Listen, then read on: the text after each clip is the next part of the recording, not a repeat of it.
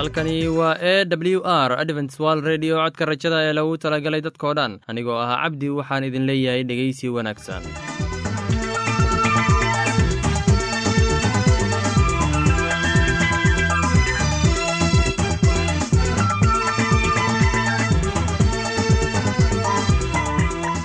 Barnaamijyadeena maanta waa laba qaybood. Qaybta kuwaad waxaad ku maqli doontaan barnaamijka nolosha qoyska. Kadib waxaa inoo raaci doonaa cashar inaga yimid bugga nolosha dhegeystayaasheenna qiimaha iyo qadarinta mudano waxaan filayaa inaad si habboon u dhegeysan doontaan. Haddaba haddii aad qabto wax su'aal ama talo iyo tusaale oo ku saabsan barnaamijyadeena maanta fadlan inala soo xiriir. Dib ayaynu kaga sheegi doonaa ciwaanka yagu balse intaynan u guuda gelin barnaamijyadeena xiisaa leh. Waxaad marka horey ku soo dhowaataan. Heestan daabacsan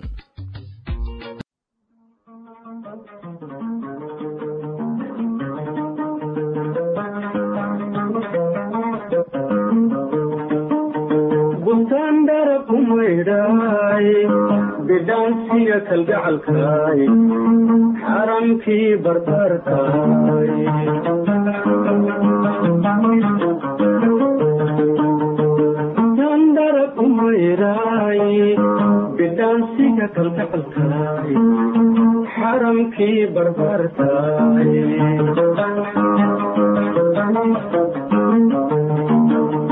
beertii xurriyadaay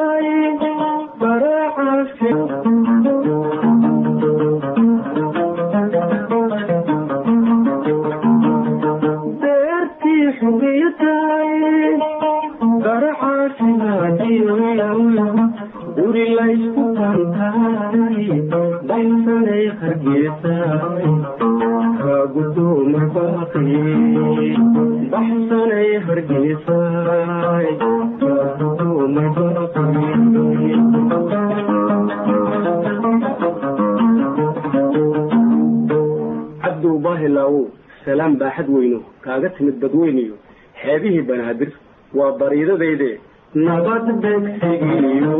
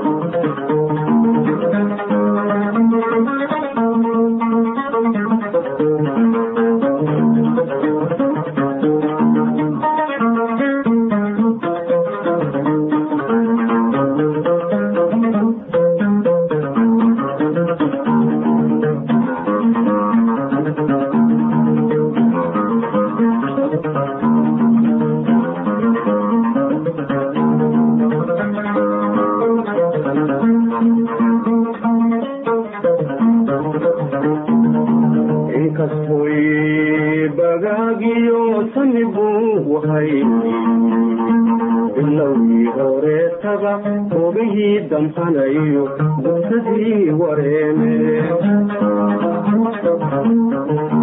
inkastoy bagaagiyo samibu wahaybi bilowgii horeetaba hogihii damhanayo bugsadii wareeme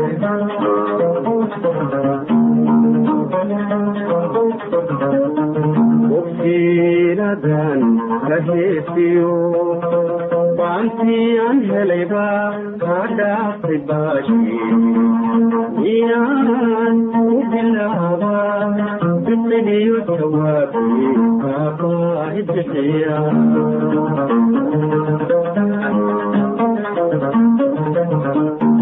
bogsiinadan ka heesiyo baantiyan helayba kaa dhaaftay baashi miyaan u bilaaba biqiliyo jawaabi kaabaahi bixiya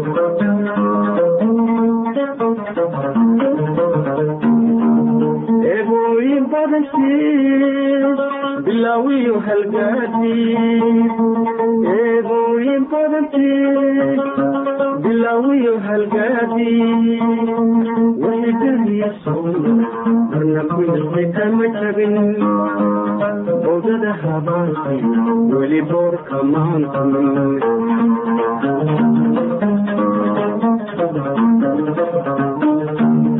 eebooyin badantii bilaawiyo halgaadi eebooyin badantii bilaawiyo halgaadi wixii berii soo maray marna biiqi kama jabin bowdada habaasi weli boorka maantumin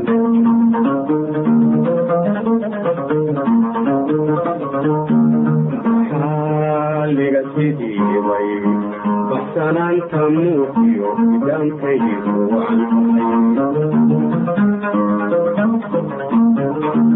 xaaliga sidii bay muuqiyo idaankaygu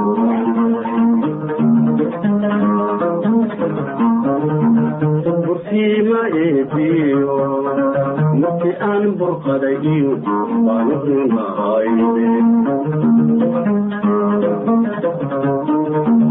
bursiima eebiyo marki aan burqaday iyo baanuhunahayde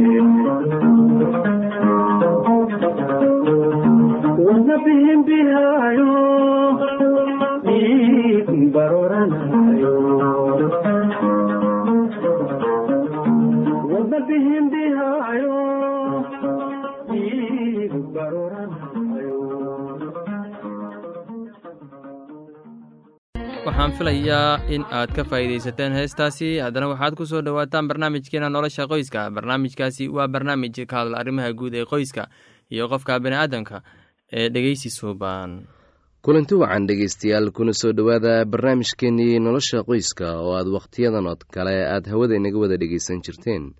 Mowduuceena maanta wuxuu ku saabsan yahay nadaafadda guriga. Anigoo ah cabdi waxaan idin leeyahay dhammaantiinba dhegeysi wacan.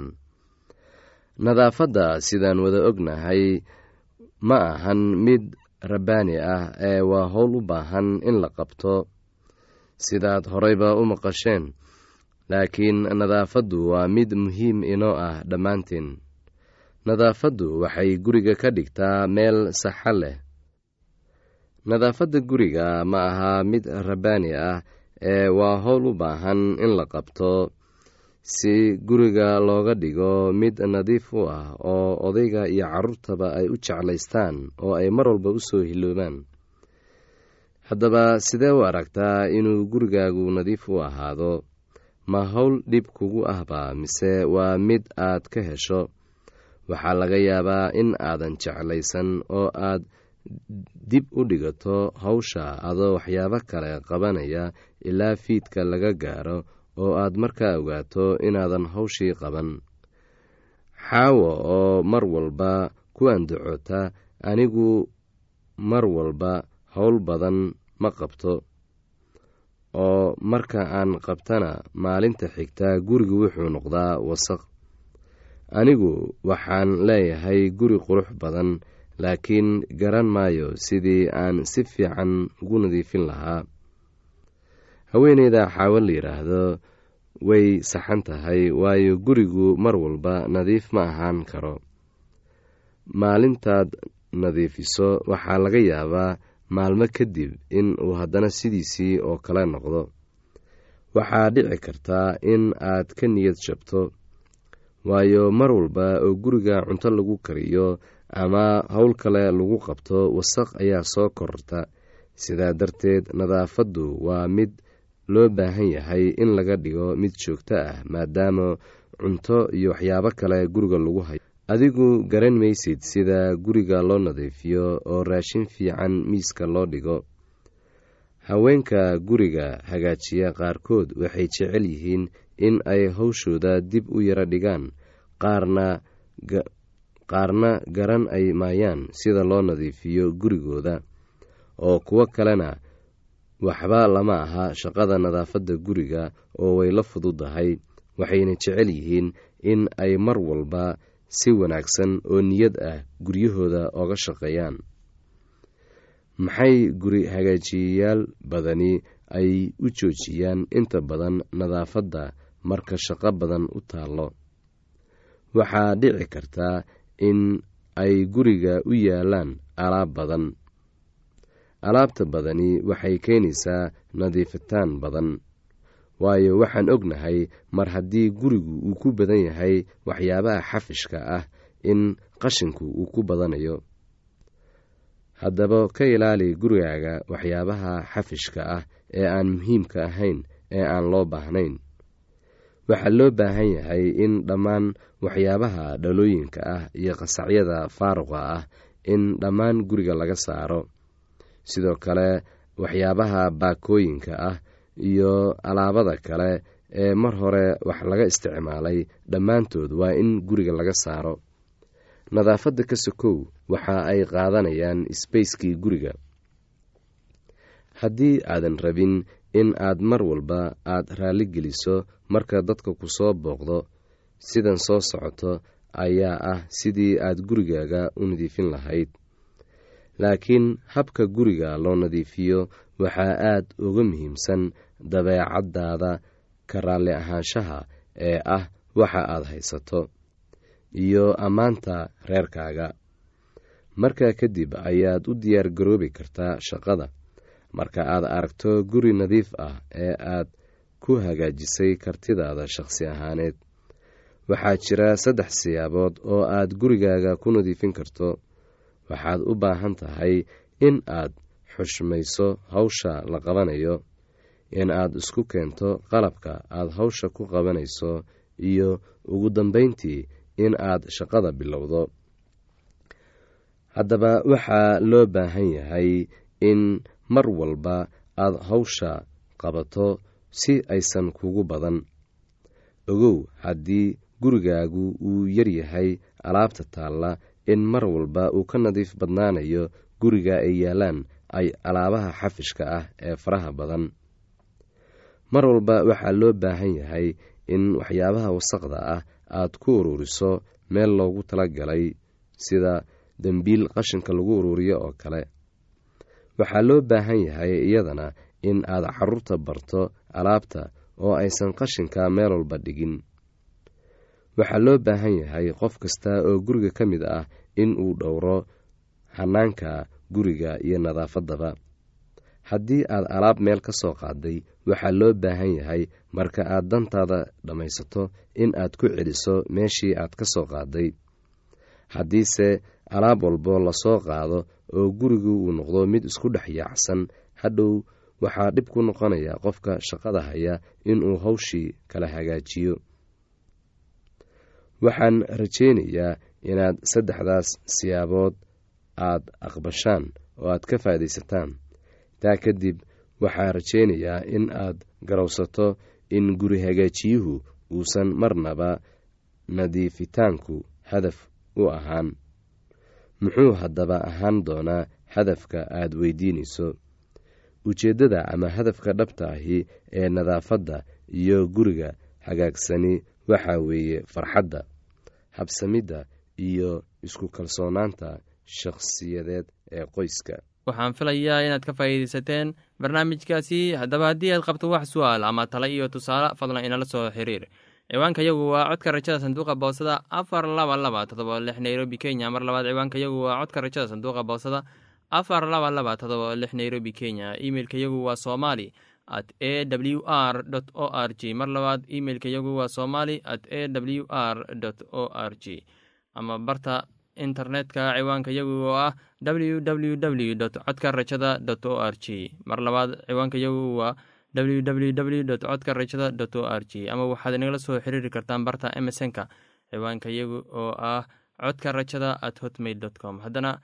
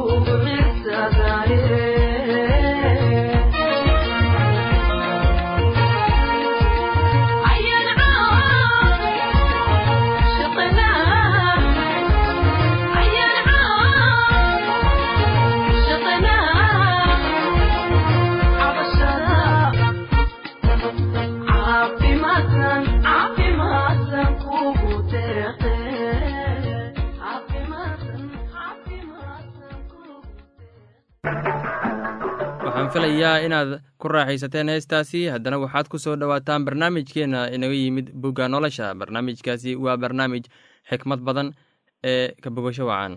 Oo ilaah wuxuu yidhi waa tan calaamaddii axdiga aan idinla dhiganayo idinka iyo uun kasta oo nool oo idinla jooga tan iyo qarni kasta.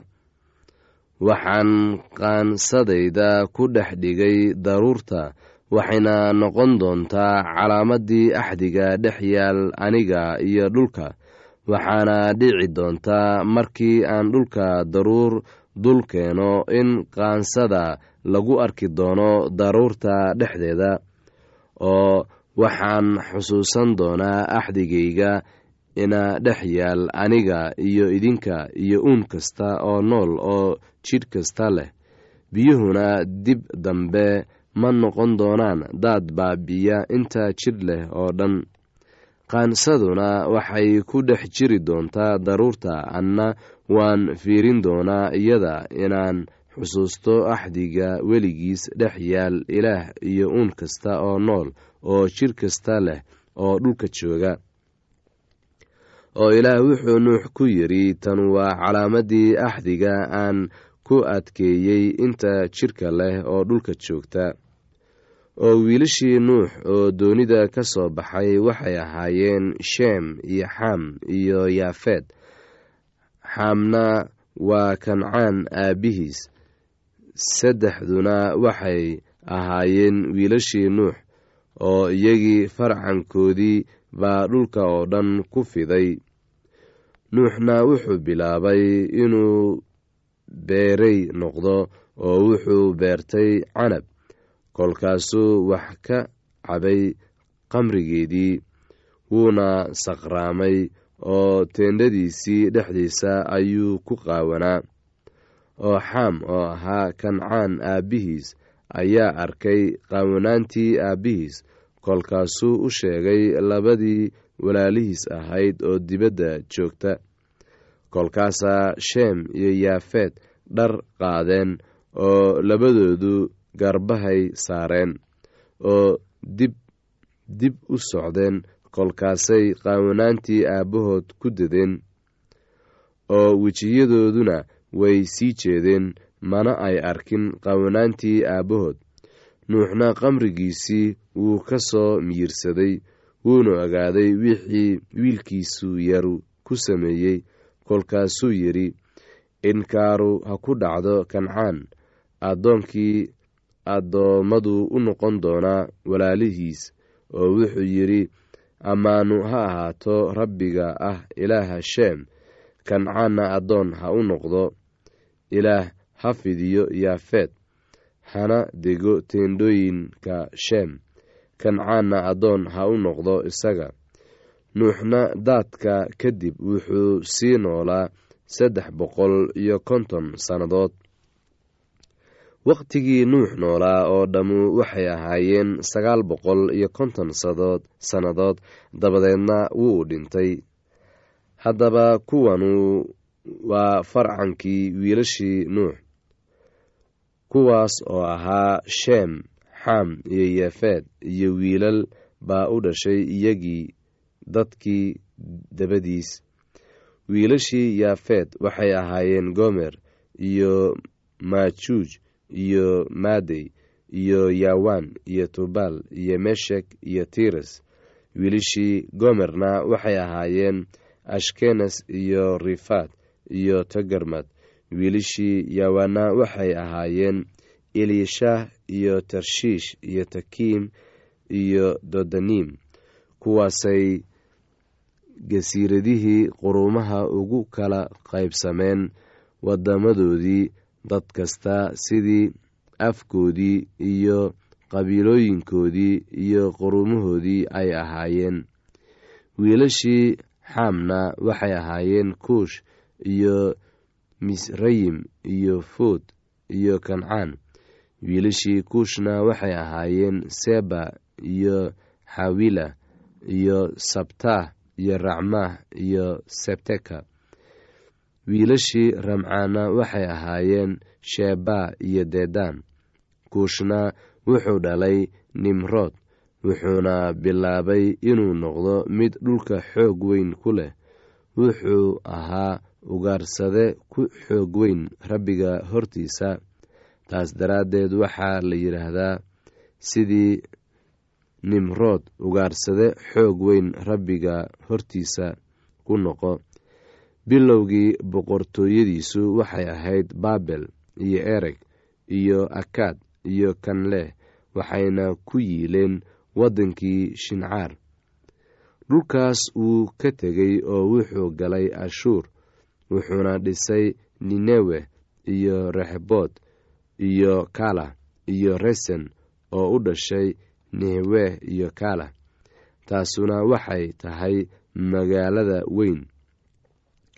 Misrayimna wuxuu dhalay luudiin iyo canaamiin iyo lahabiin iyo naftuxiim iyo fatrusiim iyo kalsuxiim oo ay reer falastiin ka yimaadeen iyo kaftoriim kancaanna wuxuu dhalay sidom oo ahaa curadkiisii iyo xeed iyo reer yebus iyo reer amoor iyo reer girshaash iyo reer xiwi iyo reer caqri iyo reer siini iyo reer arwaad iyo reer semar iyo reer xamaad dabadeedna qabiilooyinkii kancaan way kala firdheen oo soohdintii reer kancaan waxay ka bilaabmaysay sidon markii loo kaco xagga geeraar ilaa gasa oo markii loo kaco xagga sodom iyo gomora iyo adna iyo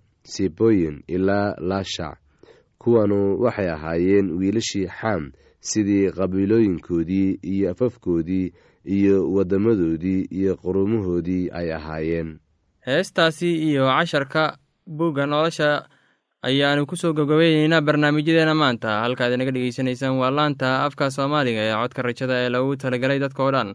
Haddaba haddii aad doonayso inaad wax ka faa'iidaysataan barnaamijyadeena sida barnaamijka caafimaadka barnaamijka nolosha qoyska iyo barnaamijka kitaabka quduuska fadlan inala soo xiriir. Ciwaanka yagu waa codka rajada sanduuqa boosada afar laba laba todoba lix nairobi kenya. Mar labaad ciwaanka yagu waa codka rajada sanduuqa boosada afar laba laba todoba lix nairobi kenya. Emeilka yagu waa somali at a w r o r g. Mar labaad imeilka yagu waa somali at a w r o r g. Ama emesonka oo ah codka rajada at hotmail com. Mar labaad emesonka yagu waa codka rajada at hotmail dot com. Ama barta internetka ayaad ka akhrisan kartaan barnaamijyadeena iyo ka maqasha sida w w w dot codka rajada dot o r g. Dhegeystayaasheena qiimaha iyo qadarinta mudan oo barnaamijyadeena maanta waa naga intaas tan iyo intaynu hawada dib ugu kulmayno waxaan idin leeyahay sidaas iyo ammaano allah